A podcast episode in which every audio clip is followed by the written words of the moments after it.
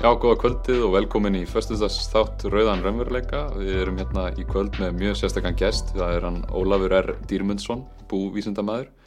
Hann hefur í fjölmörg, fjölmörg ár unnið í, í þeim geira og hefur mjög mikla þekkingu um landbúnaða mál og, og í mislegt í tvengt.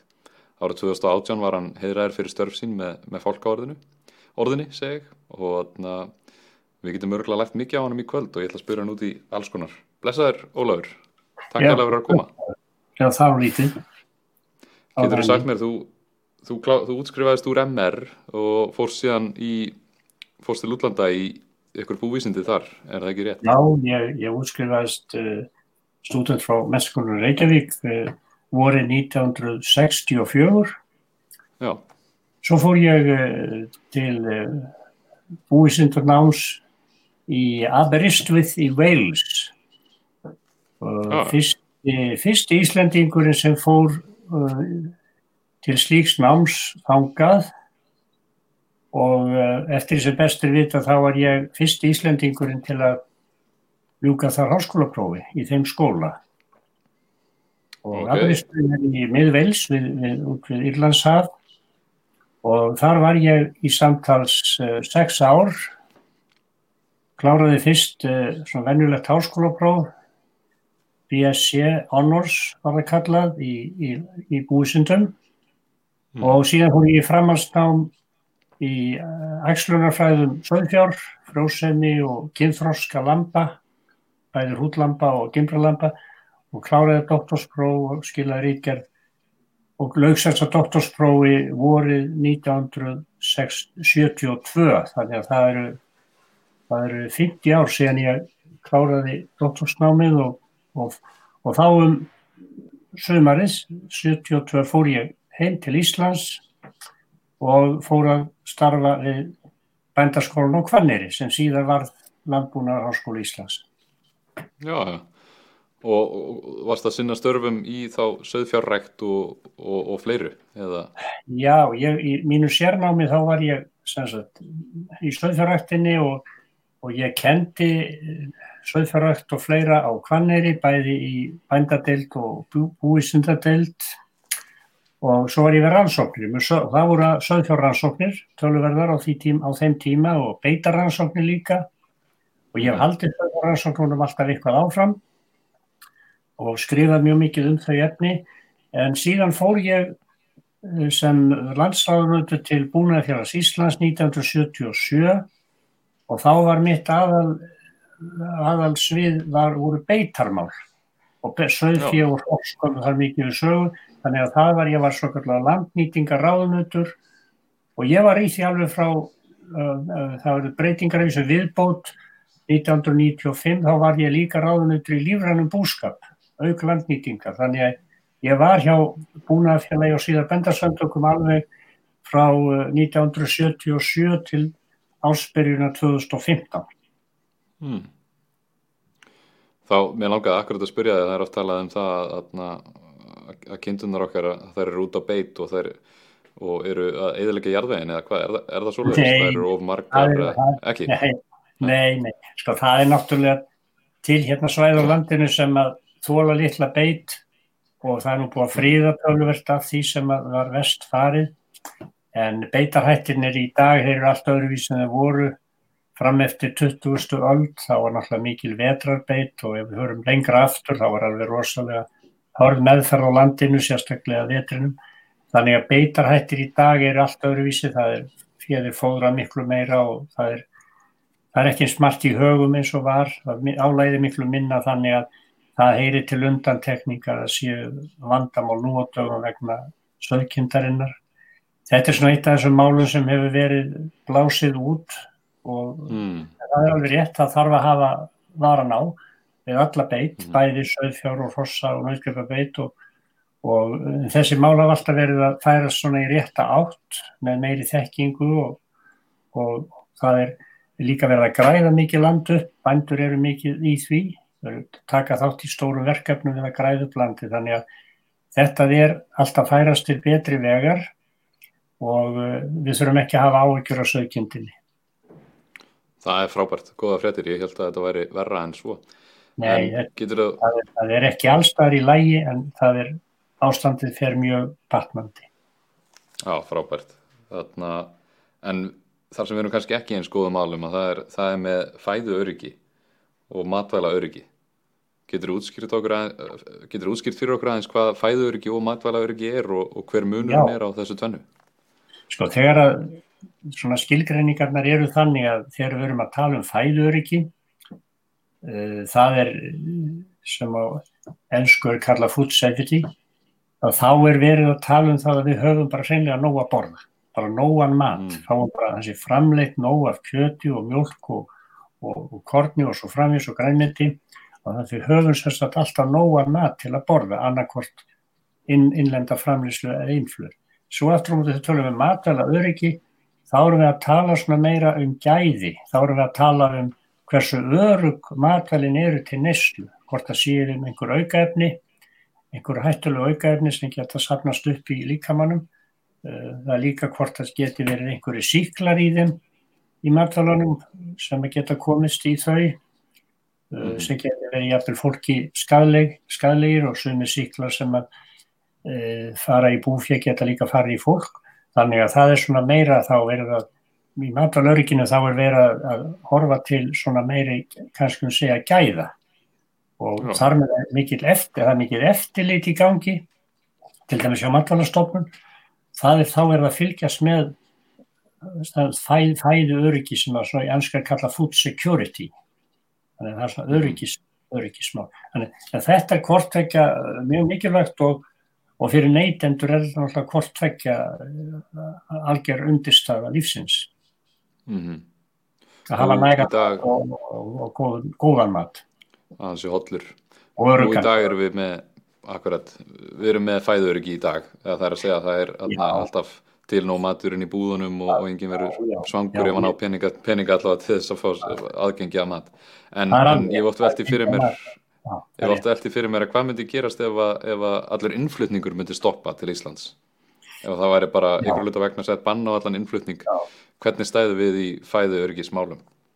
þá myndum við ekki standa nógu vel sko. það, það er það er málið og það getur rýmsa tröflanir á innflutningi til dæmis 2008 í bankahruninu Mm þá var að skapast hérna neðarástand í oktober 2008 vegna þess að það var loka fyrir gjalderi, greiðslur.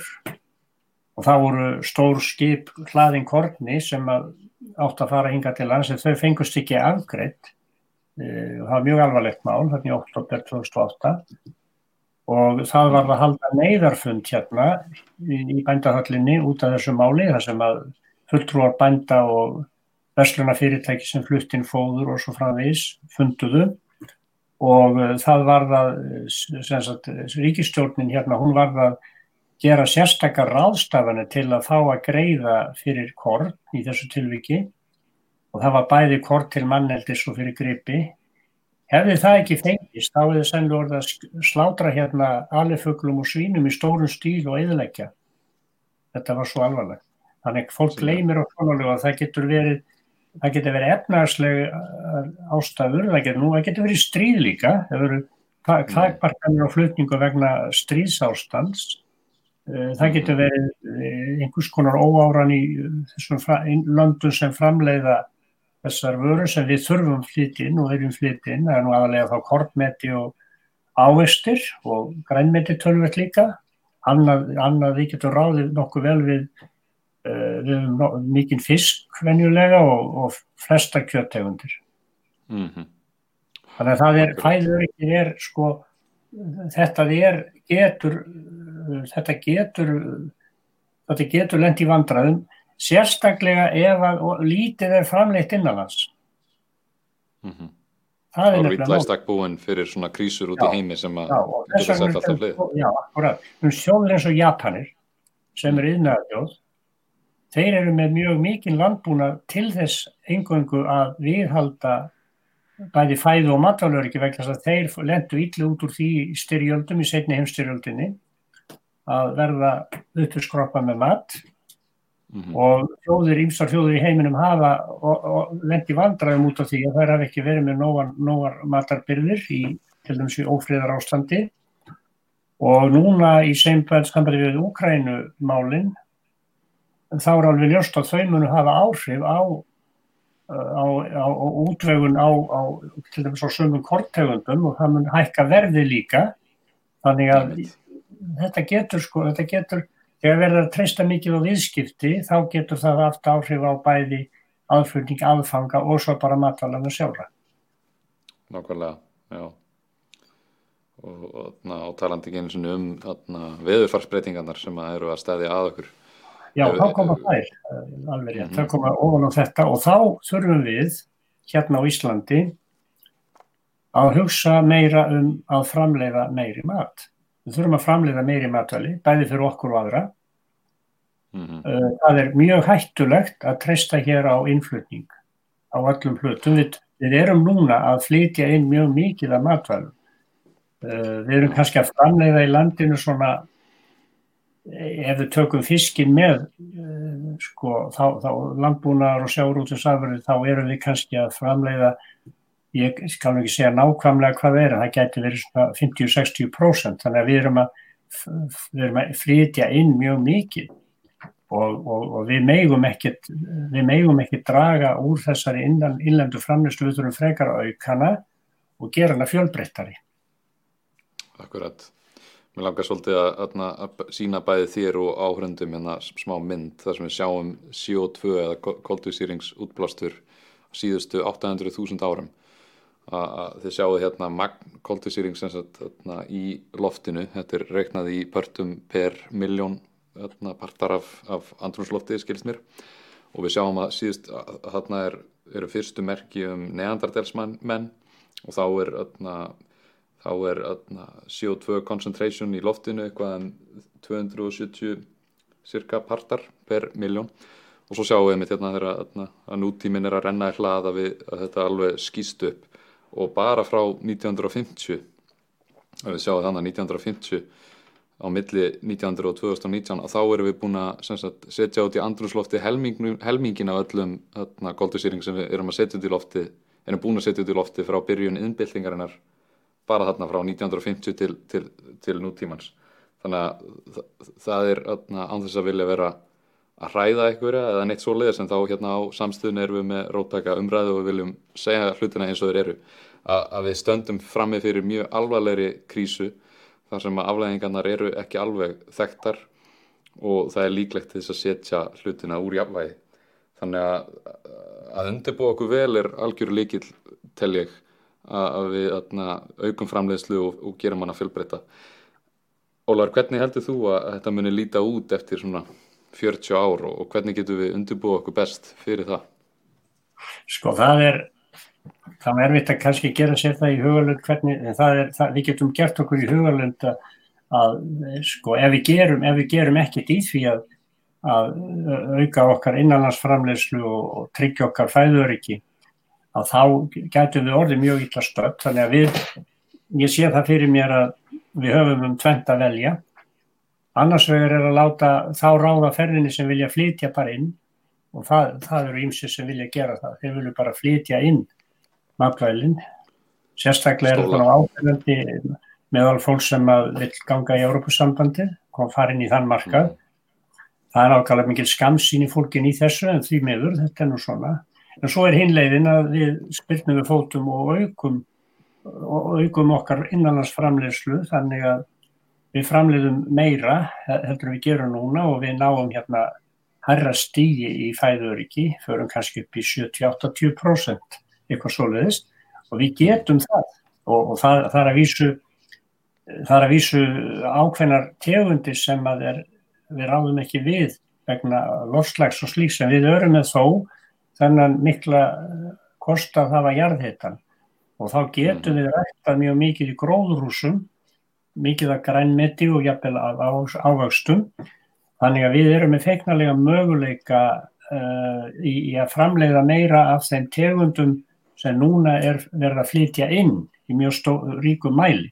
Nú við getum alveg framleitt allar húfjárafurðir og, og höfum fisk líka vonandi áfram. Fiskeldi með aðstóð uh, heits, heits vats, það getur komið til greina í, á, í landkerjum. Á landi, já.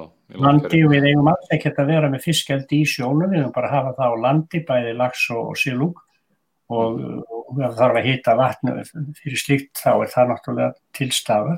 Þannig að ég sé það fyrir mér að þarna eru tvær leiðir og við þurfum að horfa stjögu við þetta. Annars vegar að ebla landbúnað og þar með fiskeldi og og, og, og innan landbúrans er þá mikið stórlega aukinn grænmetisrækt sem er þá líki kröfur markaðarins. Það eru mjög margir sem vilja frekar borða júrtafæði heldur en dýra og við þurfum að gera ráð fyrir þessu markað því að mikið af því sem að grænmetisætur eru að borða það er innflutt, uh, það er dýrvara og, og hátt kólefnisfólkspor á henni. Já, Þannig að við þurfum, já því miður og þess vegna þurfum við að við þurfum sagt, að auka framleysluna og við þurfum að vera gaggrínin á það þegar að fólk er að tala um að það sé allt í lagi að flytja allt inn. Það er ekki allt í lagi. Við höfum um tvent að velja, það er að auka innflutning og auka sagt, atna, það hversu mikið við erum að stóla á umheiminn og, og, og stöðuleika í alþjóða viðskiptum og í heiminum Já. eða ætlum við að reyna að verða aðeins hafa meiri framleyslu getur ég er heima þannig að við séum betri stakk búin fyrir, fyrir krísur þar úti. En ég vil leiðrætt aðeins að því ég sagði á þann að við varum búin að hleypa út uh, helmingnum að öllum koldvíóksið sem við erum búin að hleypa út í loftið frá 1950 en það er, ég, ég missæði og það er frá 1990 til nútímanns erum við búin að hleypa út helming. Og, og við sjáum bara ár eftir ára þá ekst koldvíóksið í andrusloftinu því miður. Já, því miður, þetta er mjög mikið lögning. Mjög mikið lögning en af hverju fyrirgeðu? Sko, málið er það þetta er ekkit flókið mm. þetta, er, þetta byggist á hafvexti mm. og hafvextur uh, þetta byggist í raun og veru á, á kapitalismanum ég er engin kommunisti, hef aldrei verið og, og, og ég er ekki neinu stjórnmálaflokki en það er augljóst alveg að kapitalismin eins og hann hefur verið í, í framkvæmt eins og hann er að þróast að hann er náttúrulega í bakgrunninum og kapitalismin hann byggist fyrst og semst á græki. Og græki, græki er undirstafa mikils hafastar og hafasturinn er ekki græn, hann er, er allliða þannig að hann er ekki, hann er ekki bundin við það sem, eru, sem getum kallað grænar áherslur. Þannig að ef við höldum svona áfram á þessari rennibraut sem ég kalla Uh, og hluti af því þessi svo kallaða frjánsaverslun að þá erum við bara ekkert í góðum málum og við munum ekki ná tökum á við munum ekki ná tökum á þessum umhverfisvandamálum eins og loslasmálunum nema að það verði með einhverjum hætti reynd að hafa stjórn á, á kapitalismanum og grækinni. Við þurfum ekkert að hugsa þetta betur að setja plön fram í tíman og undurbúa okkur fyrir, fyrir það breytingar sem er að koma og eins og ég hef heyrt frá sumum vísindamönnum að þá segja er sko að hafvöxtur er eiginlega í bara beintengingu við eðingu á, á jarðkjærfunum og öðlendum og, og auknum koldjóksið í andrunsloftið og ég man ekki nákvæmlega hvernig atna, tilvísunin er frá Halldóri Lagsnes í, í frægurittgerinans greininni hernaðurinn gegn landinu. En þar sagðan eitthvað í það áttina að á þessari öld þar sem að græðki í peninga eða losti í peninga er að gera okkur sífælt fátakari og fátakari já, að því að við erum með þetta þetta, þetta sé vel mælt sko og, og það, það er, er ekkur að þetta að það hefur nú verið skrifað svolítið um þetta og til hérna bækur það er ágætt bók sem að var þýtt fyrir fáinum árun sem að Þorvaldur Þorvaldsson þýtti um, um, um kapitalisman og hagvörstin og umhverfismálinn og það, er, það eru rannsóknir í gangi erlendis ímsum uh, löndum bæði meðal, ekki bara meðal vistfræðinga heldur vegna líka meðal hagfræðinga. Þannig að það er það þarf einhverja, það er ný hagfræði. Það verður að koma til einhver ný hagfræði að það var ráða við þessi ósköp. Og mm. hún getur ekki hún getur ekki uh, gengið út á frjálsíkju hagfræðina. Og þessi, þessi, þessi neokapitalismi sem að ríki svo mikið núna, hann er ekkert sjálfbær, hann er ósjálfbær á allan hátt mm -hmm. og við verðum, það verður að staldra hana við og, og þetta er náttúrulega málefni fyrir marga fleiri heldur en hagfræðinga, þetta, þetta snertir náttúrulega heimsbygginga líka mjög mikið og náttúrulega líffræðinga og búisundamenn, sjálfsögðu, þannig að þetta er í raun og veru stándi mikið svona, þetta þarf að vera mikið umræðuefni og það þarf að fara út fyrir alla flokka, stjórnmálaflokka, það verður eiginlega að taka þetta fyrir á mjög svona faglegum og almennum grundvelli og við eigum tölversta fólki hér á landi sem er alveg fælt um að gera þetta uh, og það verður að vera tilbúið að vera gaggrínið. Mm. Hugsa hlutin aðeins upp á nýtt. Og, já, og, já, já, já. já. Við tökum við sögum mann eins og Guðna Eliasson og fleiri sem, að, sem eru gaggrínir og, og ég er einn af þessum mannum þó að byrja ekki mikið á mér. Uh.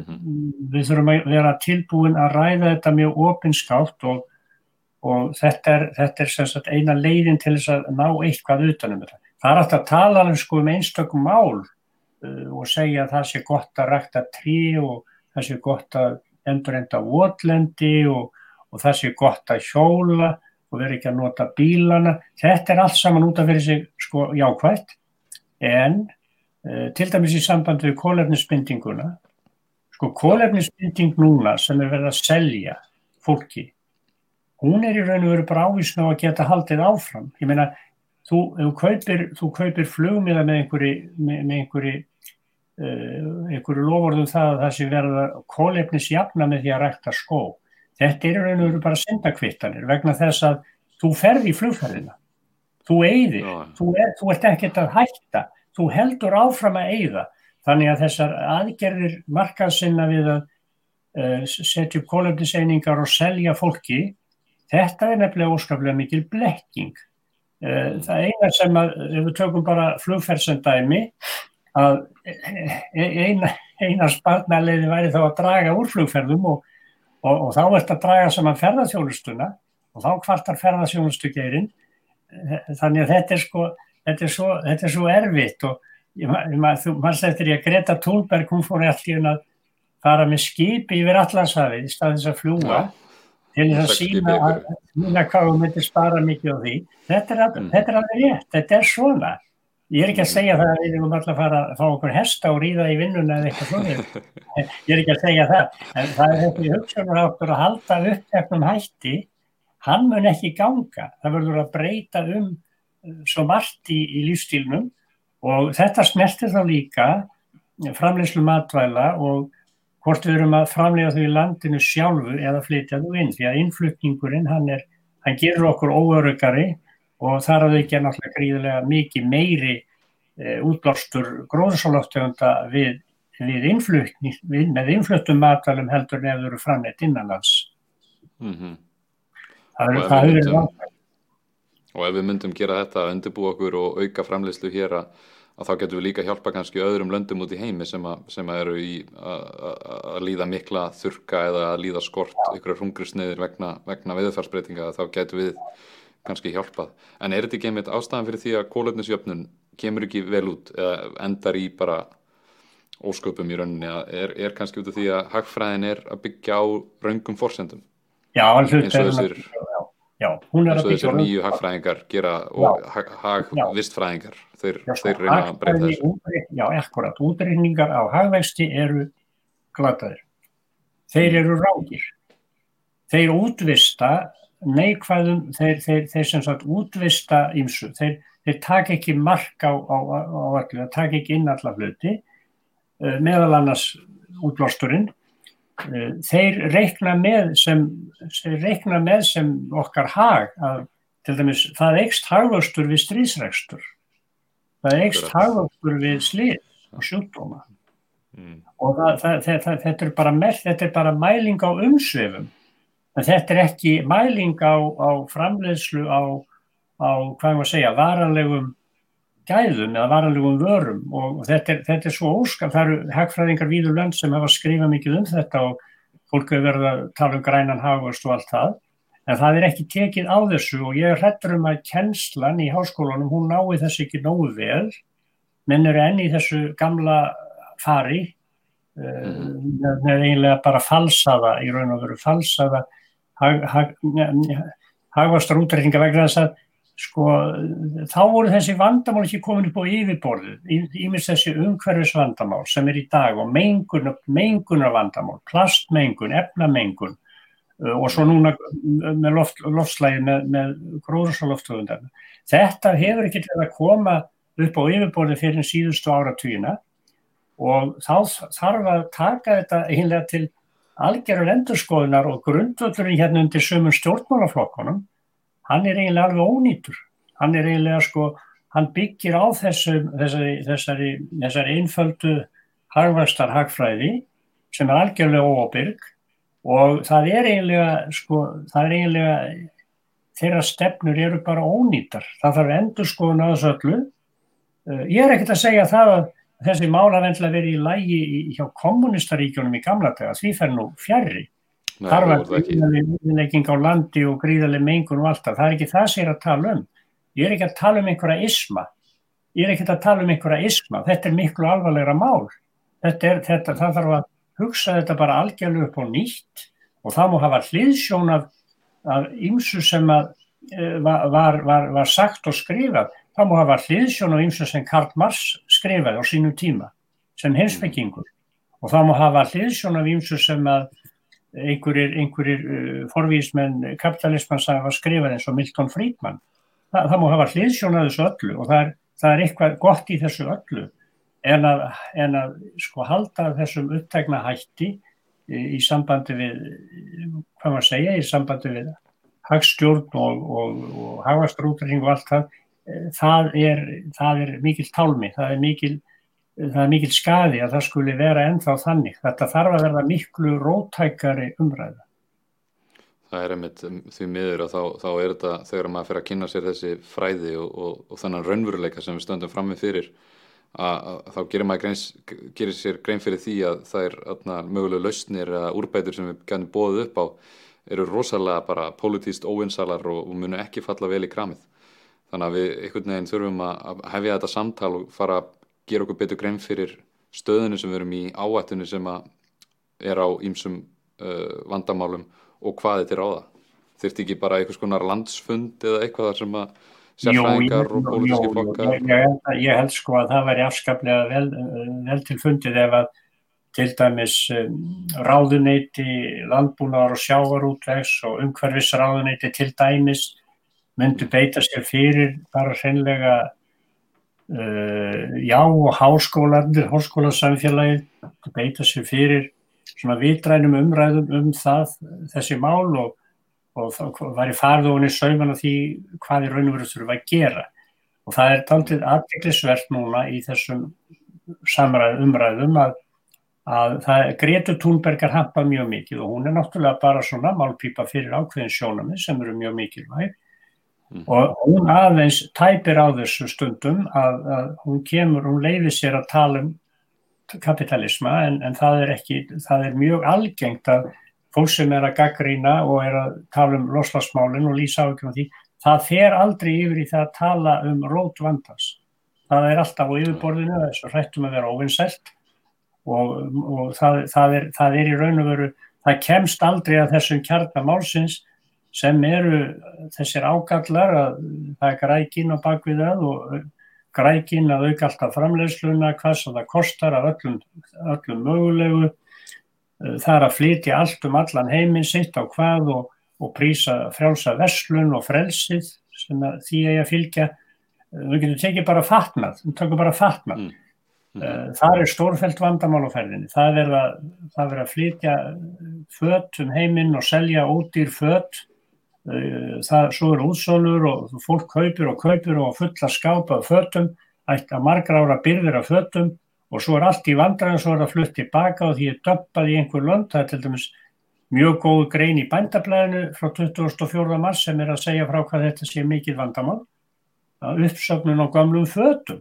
Ég meina, þetta er bara einn byrtingarmynd, eh, framleiðslu og, og, og neysluháta sem að sem að eiga sko, sem að eiginga rétt á sér og, og það er í raun og veru fáránlegt þegar á sama tíma og það er verið að tala um þessi vandræði að þá er alltaf verið að auka neslu það þarf að minka neslu það þarf að minka neslu á ýmsu.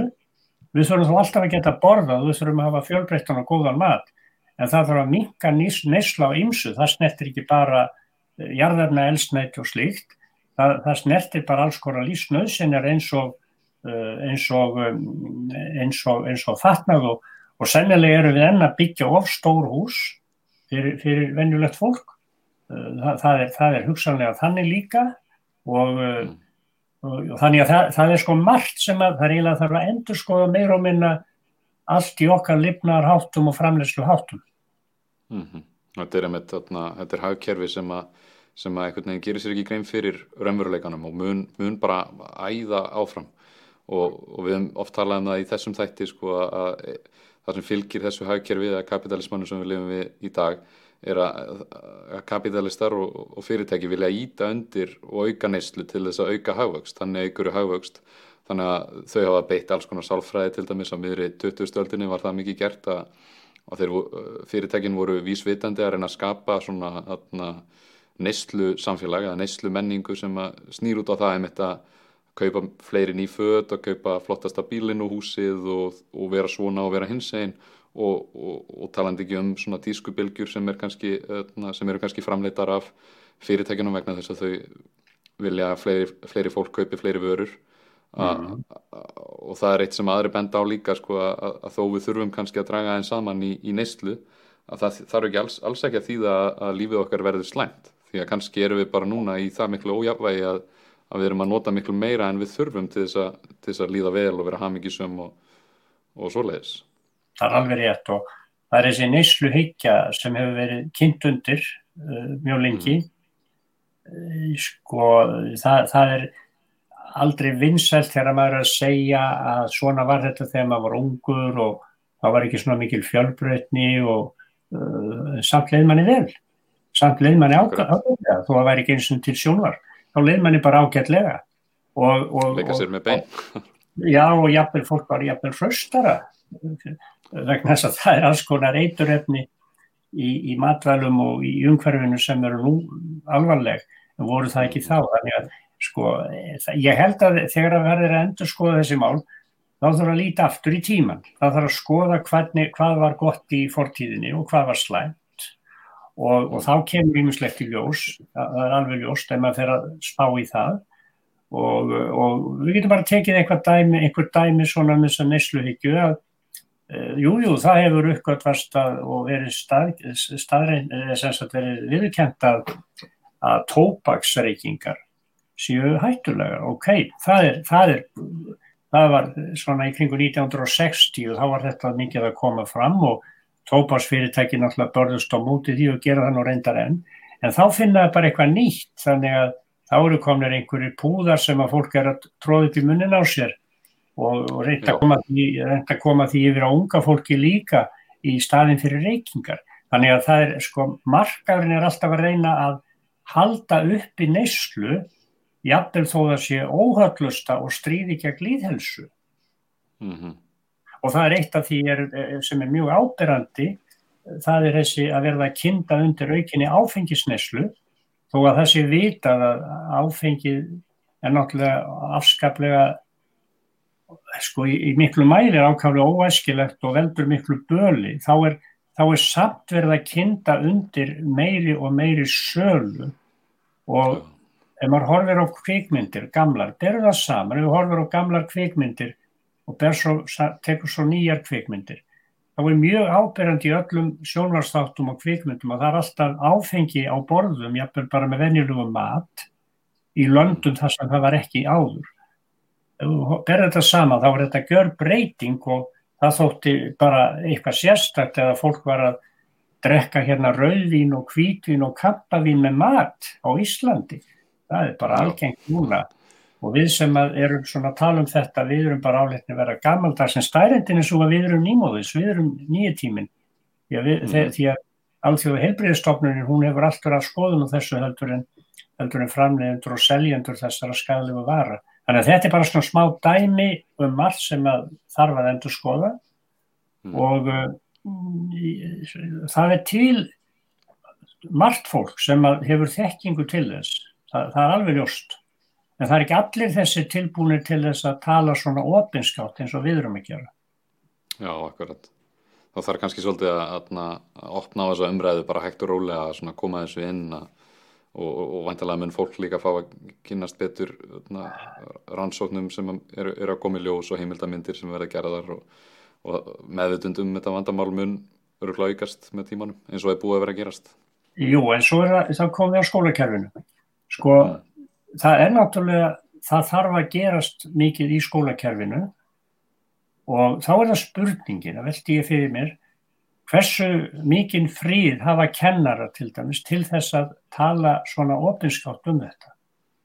Mm. Þá er það talið vera pólitík af því að það rekst þá á einhverja, einhverja skoðunir í ákveðinu stjórnmálaflokkum. Uh, ég meina, við tökum bara landbúna. Ég vil að tala um það hvernig matvælinn eru framleitt, hvað er notað við framleiðsluna. Eru notuð eiturefni til dæmis? Er farið ítla með dýrin? Hvernig er þetta? við vitum alveg hva, hvernig matval eru framleitt í dag og það er mjög breytilegt eftir löndum og eftir svæðum hvernig það er gert og við vitum það til dæmis að ef við tökum dæmi, bara einhvert einfalt dæmi og grænmeti þá er innflutt grænmeti það er framleitt við allt önnu innflutt grænmeti framleitt við allt önnu skilir heldur innlend framleitt fram, grænmeti mm. það er gríðalega eiturefna nokkun við grænmetisframleitslu í sumum af okkar einflutningslöndum, bara gríðalegt og, og ég ætla ekki að fara að telja það eitthvað. Við erum með sára litla notkun á eituröfnum í sambandi við grænmetisframlegslu. Þannig að, að er, grænmetið okkar er tiltölulega heil, heilnæmt og, og, og góð, góðar afurðið þar. Og ástæðin er mikið svo að við erum í tiltölulega kvöldu lofslægi og það er minna af, uh, minna af uh, skordýrum Eh, sem geta skafað uppskeruna, planturnar og við þurfum ekki að nota eins mikið af hjálparefnum og það er mjög lítið notað af þeim hér, meira segja mjög lítið í gróðurhúsunum því að þar eru við með lífrænar varnir. Svo þess að við erum að framleiða í handa neytendum í Íslandi, við erum að framleiða miklu örugar í vöru heldur en, sko þá komum við í matalöryggið, við erum að framleiða miklu örugar í vöru heldur en það sem er innflutt. Og þar að við gera bræð betra, það er annar mál.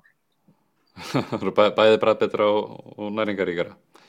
Já og minni hætta á, það er kannski svipa magna af, af próteinum og, og kolvetnum og fytu í þessum vörum en, en það er framleitt vönur skilir þannig að við erum þá laus við ímis eiturefni sem geta verið varasöfn en þau sapnast upp í mannslíkamann. Akkurat. Talanda eins um, um þessi eiturefni og um, um ábyrðin og, og svona, nú er náttúrulega ábyrður að, snar hækka í verði að ég með eina mynd hérna af na, útkomu uh, yields úr, úr kortni uh, sem sagt hversu mikið að kortni er náða að framlega og þetta er einhver svona rannsóknina sem ég, ég fann hérna gagnapunkt frá. Og, og, og við sjáum að þetta fer upp. Og, og er það ekki svo að hérna tæknin er búin að vera að gera okkur kleift að nota betri hérna, áburð og eiturefni sem halda skortjórunum frá. Þannig að þetta þannig að hérna, við, við erum að ná að framlega meira og meira en, en nú er svolítið áhættaðið það ekki af því að við erum búin að vera að nota áburð svo lengi og við erum að nota svo mikið af eiturefnum að við erum í raun að eidilega jarðveginn á mörgum með þessum stöðum Jú, því miður um. Já, já, það er því miður alveg rétt sko.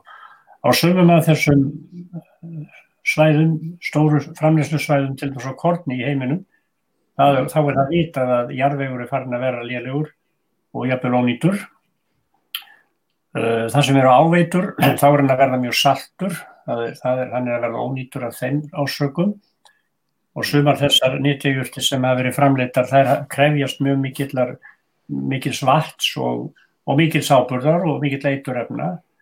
Nú við þekkjum það að það var talað mikið um svo kallega grænubildingu á sínum tíma fyrir nokkrum áratugum. Og hún hefur aukið framleiðslu en hún skilur eftir sig harmulega slóð við það og það er, það er, er skemmtir á jarðvegi af einhæfri ræktun við það og það er þessi selta sem að kemur við sögu. Og svo eru náttúrulega afurðurnar, það er ekki bara skemmtin, skemmtin á jarðveginum að afurðurnar, jú það er verða miklar eins og framkjömmur í kurvunni, þetta er mikil aukning. Hlutið af því er að vísu eðlilegur, hann er vegna kimbóta, júrta kimbóta en, en að verulegu leiti, að miklu leiti er þetta svona uh, þessin efnanótkun og og þetta getur farið þá illa með jarfi og er að gera það á sömum svæðum. Hér á Íslandi höfum við verið laus við þetta vandamál en við þurfum að vara okkur og það er eitt sem hefur komið núna inn uh, síðustu, kannski mest svona síðustu 10-20 ára og það eru erðabreita lífverður.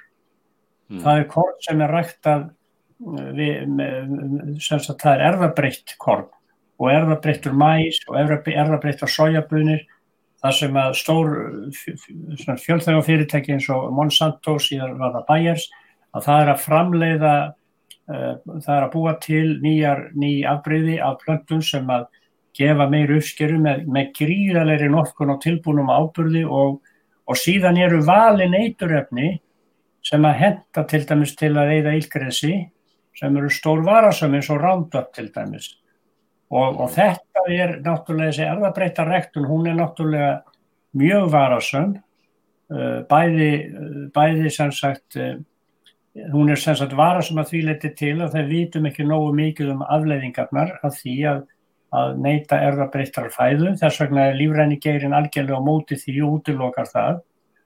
Og svo er þetta, þetta þessu fylgir gríðarlega mikið leituröfna nokkun, hún hefur ekkert minkað, það er bara markvissara markvissar. Þannig að mm. sem betur fyrir erum við hér á Íslandi laus við erðabreita ræktun, það er aðeins lift uh, hjá orfi líftækni í gróðurúsum vegna snittilöru framlegslu en það er annað á Íslandi að, að sá erðabreitu frægi og ég vona að það verði þannig áfram og, og, og lífrænarhefingin náttúrulega best algjörlega gegn því vegna þess að lífrænarhefingin vil geta síðan neytendum fyrir fæðu sem er laus við erðabreitt efni.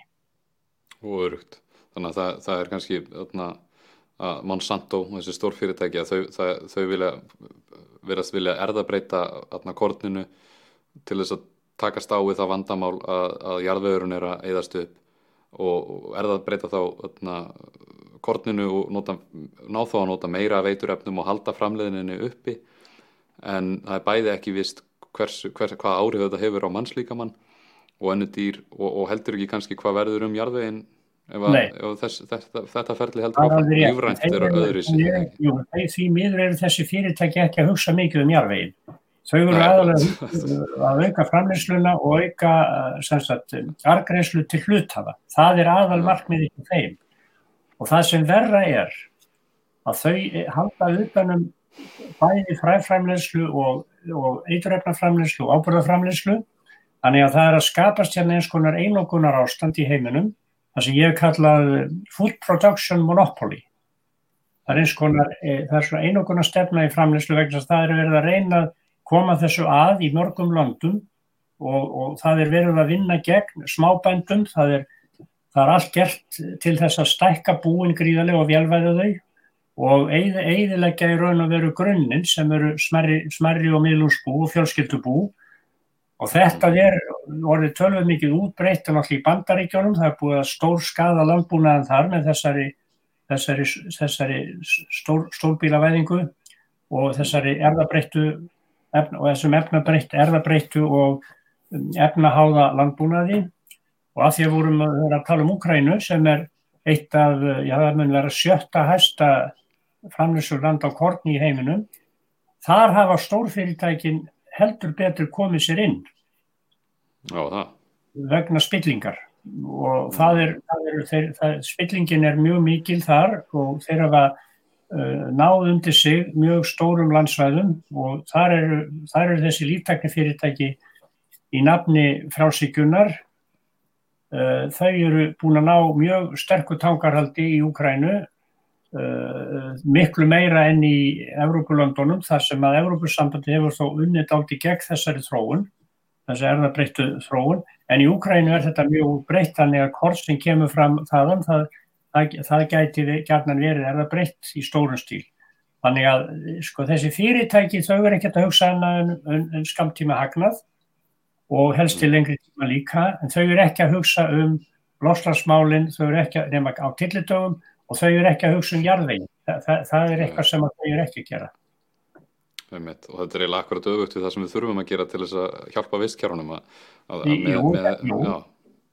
þannig dæmi um, um, mm -hmm. um, um hérna eðnað sem að er ekkert í raun og veru að, að taka við sér og, og uh, þess vegna er lífræna reyfingin hún er uh, hún og slow food og slíka reyfingar það er að reyna að vinna gegn þessu og styðja við bara venjulega landbúnað, vel reygin landbúnað sem er ekki háður þessum, þessum hjálparmeðurum sem geta verið mjög varasam og sem sko betur fyrr þá erum við hér á Íslandi, við erum í þeirri stöðu að við erum ekki komin langt inn á þessa brauð.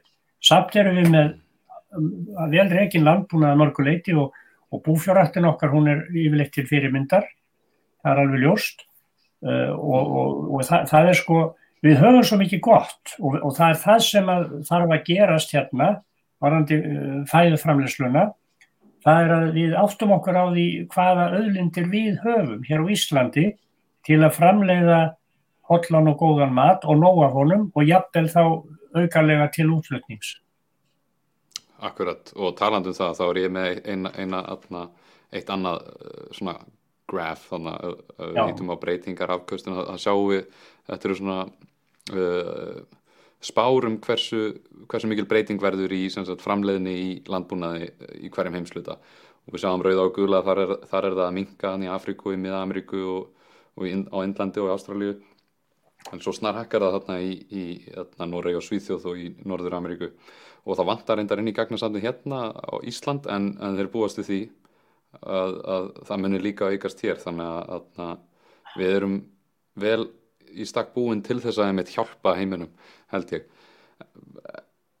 en Jó. annars varandi, varandi lífrannan uh, lífrænan landbúnað, hann er akkurat öfugt við svona þarna, eitrandi landbúnað þar sem að lífræn landbúnaður getur styrt jarðvegin eða ekki, hann, hann hjálpar hann um hann, hann, hann er, er, er mun sjálfbærari sko það er, mm. það vandar náttúrulega húttæki sjálfbærni mm. það er mjög misnota núna það er verið að nota það sjálfbærni er verið að nota það um ímis ímessar aðtartir og ímsa framlegsluhætti sem er ekkit sjálfbærir það er samt verið að nota þetta gríðarlega mikið Nei, það er alveg ljóst að lífræna rækturinn, hún er miklu sjálfbærari heldur en, heldur en svo ræktur sem að hefur byggist á efna, efnum og veitur efnum og tilbúinum ábúrði.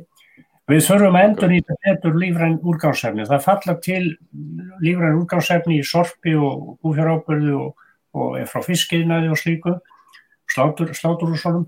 Við þurfum að nýta þessi lífrænu efni betur og koma þeim inn í ringrásina og, og þá er það lífrænt landbúnaður sem að myndi nýta það af einhverju leiti og svo fer það líka í uppgræslu og skórætt eins og gengur.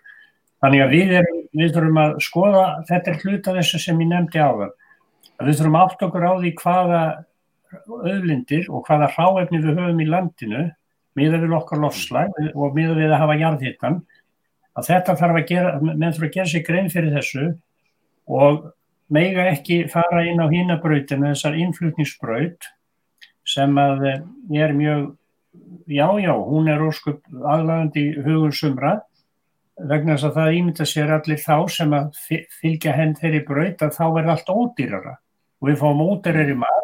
Ég hef oft sagt að ódýr matur er einhver versta blekking sem til er vegna þess að ódýr matur hann er fengin með mjög slæmum framleysluháttum Hann er fenginn með mikill nokkun á efnum, eitur efnum. Hann er fenginn með, með því að fara illa með dýr í versmiðu búum og hann er fenginn með því að fara illa með jarðveginn. Og fólk, verkamenn. Mm. Og svo verkamennina sem vinna við þetta sjálfsögðu og svo endanlega með neytendur. Og þá kemur mm. þetta fram í líðhelsu, þá kemur þetta fram í sjúkdómum og það leggst á heilbríðiskerfið.